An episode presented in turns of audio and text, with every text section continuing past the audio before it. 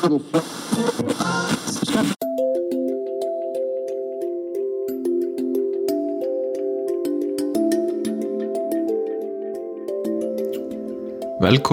í Móla, það er Magnús Haldásson sem talar sem fyrr hér frá vestuströnd bandarækjana, Washington ríki, nánar tiltekið í Körkland. Ég er hér í næsta nágrinni við höfustöðar Microsoft sem er í Redmond, bara svona til þess að staðsetja mig enn nákvæmar. Ég er með fimm mjög skemmtilega móla að ræða um í þessum þætti. Fyrsta sem ég ætla að gera er að tala svo litið um nýja Ísland sem ég kalla hér það var nú frasi sem að lifnaði við eftir hrunið er að allir vildu byggja upp nýja Ísland og það höfðu hugmyndur um hvernig það ætti að vera en uh, uh, það má segja að það sé komin upp svolítið óvennuleg stað á Íslandi núna eftir að, eftir að uh, við reistum við efnahægin á alveg glæ nýjum fórsöndum ef svo má segja.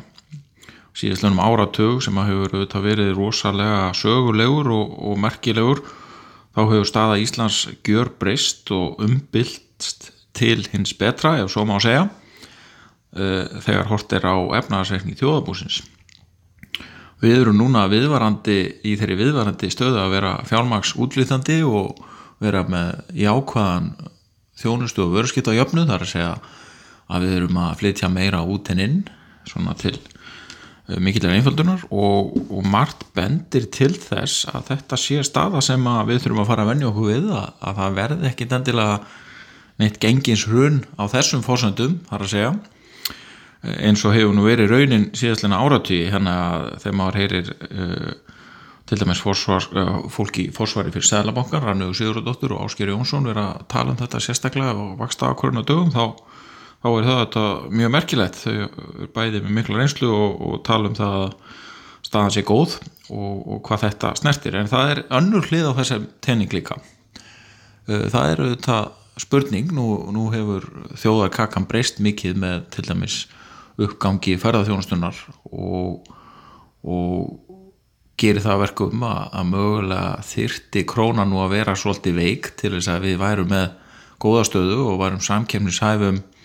um verðlag til dæmis uh, þegar kemur að því að vera vinsæl áfangastæðar fyrir ferðamenn. Þannig að sterk króna uh, viðvarandi sterk króna í, í sögulegu samhengi er kannski ekkit endilega neitt svo kjósanlega staða til þess að byggja upp uh, framsækið og alþjóðlegt atvinnulíf sem að en nú alltaf loka markmiðið að byggja upp þekkingar einnað og alþjóðlega störf það er það sem að allir eru nú sammálum held ég að sé það sem að Ísland þarf að gera til framtíðalitið og þó að staðan sé mjög góð þá má alveg velta fyrir sig hvort að, hvort að við séum ekki komið nóg langt í, í því að byggja upp alþjóðlega að gera og, og að aðstæðunar séu hugsanlega mjög krefjandi og verði það áfram. Þetta finnst mér að vera mjög áhugavert. Maður heyri þessa rattir víða í atfylgnifu bæði hjá frumkvölum og, og ekki síður hjá hjá þeim sem er að starfi í útlutningi í sjáarútvi, ég hef sjálfur verið að ræða svolítið við fórustu fólki í sjáarútvi og síkastið í tengslu við skýsluvinnu sem ég hef verið í að fjalla um, um Amazon markað og hvernig mun ganga og hvernig gengur að selja sjáarafur þar ekki, mjög áhuga að vera vinna og ég heyri þar svona í spjalli að margir hafa áhugjur af sterkri krónu og, og þó að það eh, tólkist kannski sem einhverju sérhagsmunir eða, eða eitthvað þess áttar engahagsmunir að, að krónan eigi ára veikari þá, þá er það ekki það sem þeir eru að ræðum heldur miklu frekar bara hvernig ytra, ytri staðan er laun, laun að hækka eða hafa verið að hækka frekar mikil samdráttur í atvöldlífunu og frekar sterk króna. Þetta er svona óvennuleg staða fyrir Íslands samfélagi að glíma við. Við eh, höfum átt því að vennjast að verðbólgan farið svolítið að stað með gengisfalli og, og, og styrki þá efnahægin aðeins. En þetta er ekki endilega að fara að gerast nema þá, ekki, nema þá bara lítið eitt. Og ég held að það kemur ekki óvart og að verði bara svolítið mikil mikil umræða um hagræðingar aðgerir í fyrirtækjum í vetur út af þessu. Við skulum við skulum vind okkur þá yfir í móla nummið tvö sem að sem að ég kalla nú bara innviði hér á bladi hjá mér og hann snýrað að innviða fjárfæstingum í landinu og mikilvægi þess að flýta þeim og setja sem mestan kraft í þær eins og kostur er. Þetta er eitthvað sem að Sigur Hannesson Frankónstjóri samtaka innaðarins og, og, og ja, bankamaður til lengri tíma og, og rákjafi á stjórnvöldum við losum hafta hefur verið að tala mikið um hann eh, hefur skrifað ítrekka greinar um þetta, hefur tekið eftir og telur að stjórnvöld megi engan tíma missa. Nú sé tíminn til þess að setja kraft í innviðafjárfæstingar og þar er átt við samgöngufrangvandir og, og aðrar innviðafjárfæstingar uppbygging það sem að hið ofinbæra er að fjárfæsta og þetta er eitthvað sem að ég tel að sé, sé rétt. Hann, Sigur Hannesson ég, hann er svona einhvern veginn eh, slær með alltaf þannig eins og hann sé alltaf örlítið og undan því sem að þarf að fara að gerast. Þannig að ég, ég hef tilneyingu til þess að taka markaði sem hann er að skrifum og, og mér finnst þetta að vera bara mjög áhugavert og held að þetta sé held að þetta sé góður punktur hjá honum og, og, og reyndar eru stjórnmálaflokkanir sem líka mjög hafa talað eiginlega allir um mikilvægi þess að gera þetta og fjálfanfrunarbyggð gerir nú einhver leitir áfyrir þessu líka að vera að nýta sveirúmi sem sem að nýja Ísland, nýja efnaðarsreyningurinn er að gefa gefa hennu ofinbera í í að fjárfesta meira og setja í innveðafjárfestingar en spurningin er, eigum að gera meira? Það er eitt af því sem að mér hefur sínst segur að vera kall eftir að þetta sé bara ekki nóg og meðal annars við, viðhaldsþörf sé orðin það mikil í vegakerfunu að það þurfi að setja meiri kraft í þetta.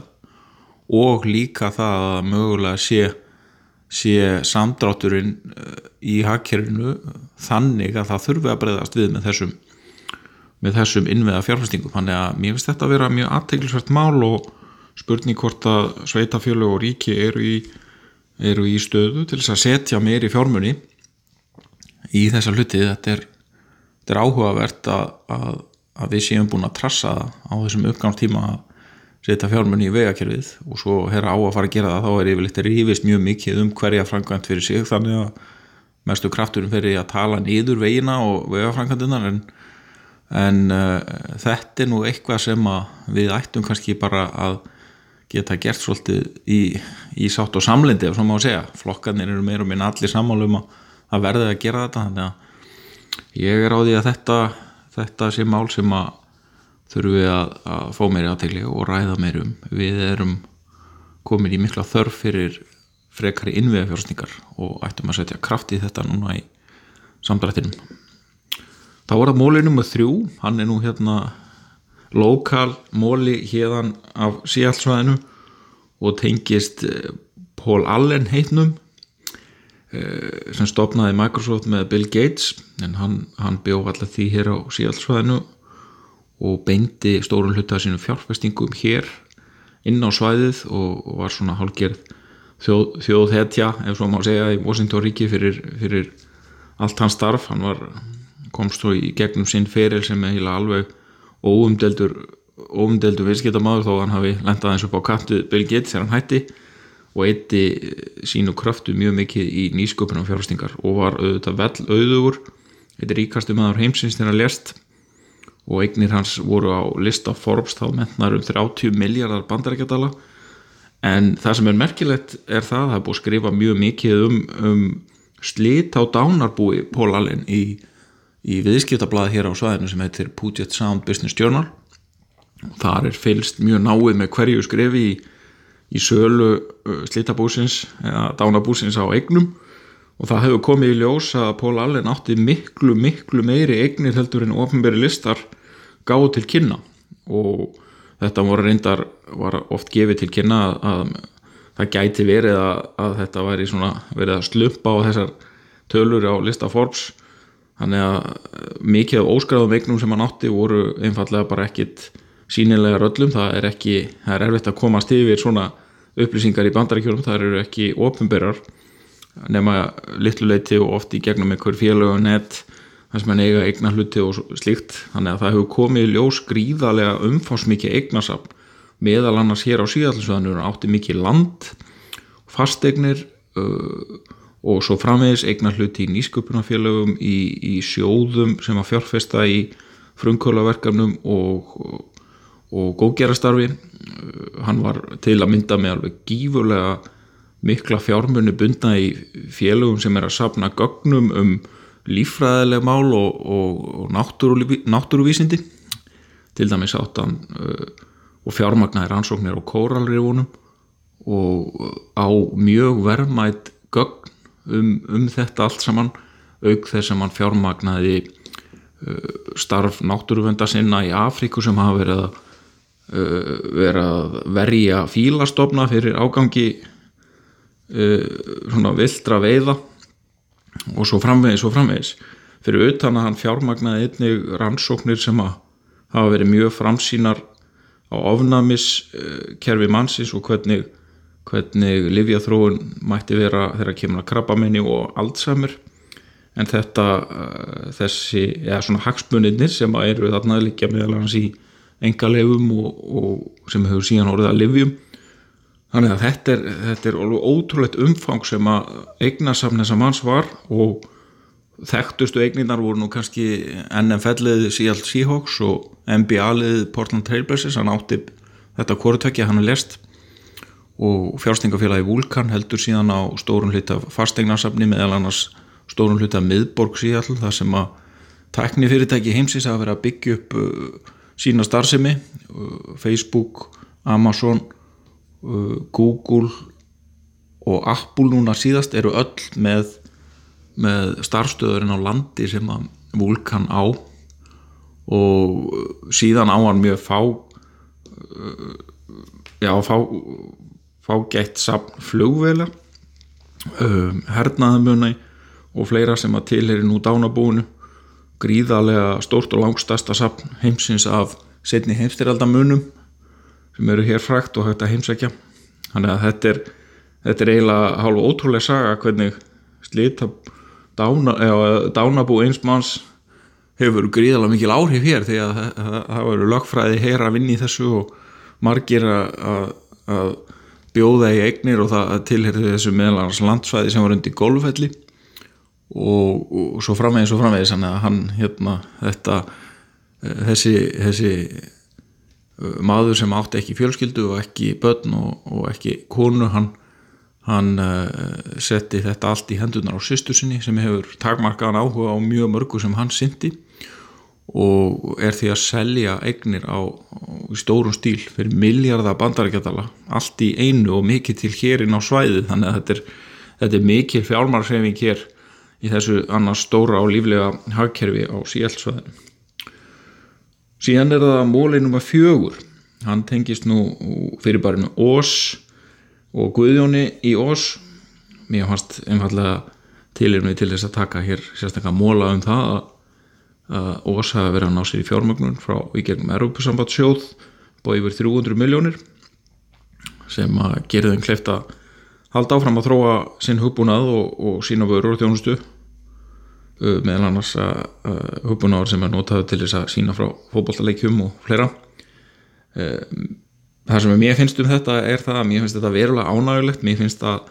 ós sé orðið einhverju fyrirbæri sem alltaf er að leggja eitthvað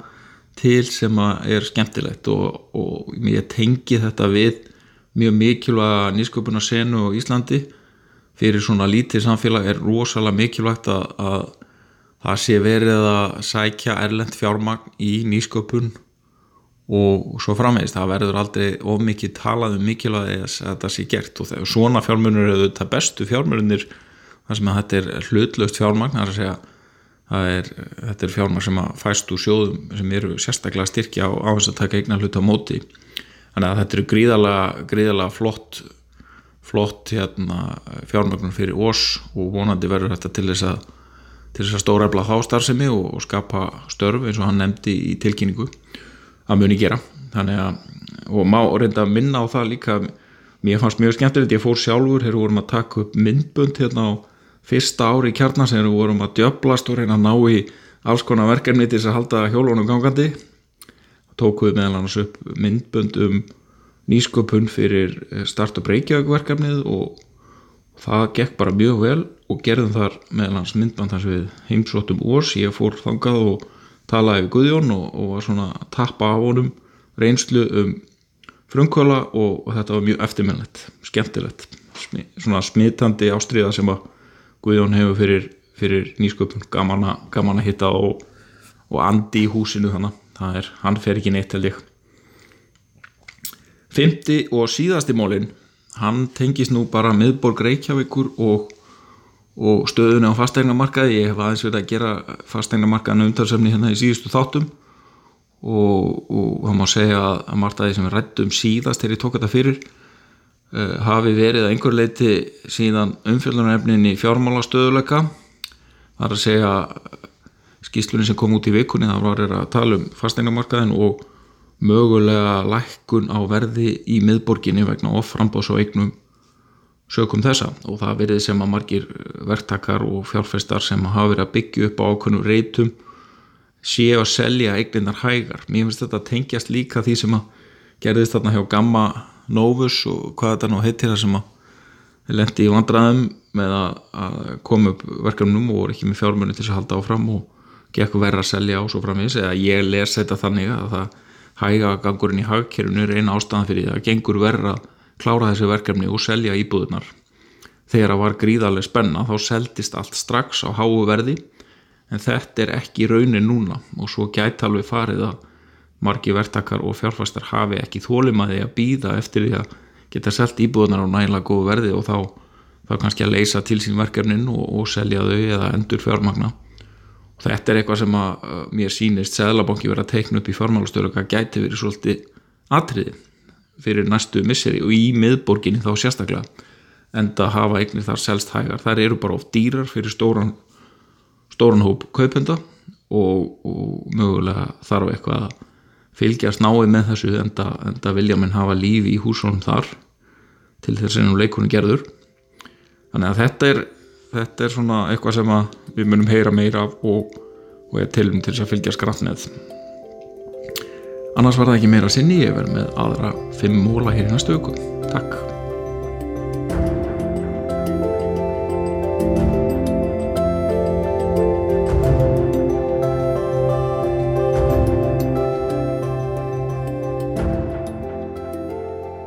Takk fyrir að hlusta á hlaðvarp kjarnans. Þú getur sótt fleiri þætti um allt millir heimins og jarðar á vefnum kjarnin.is.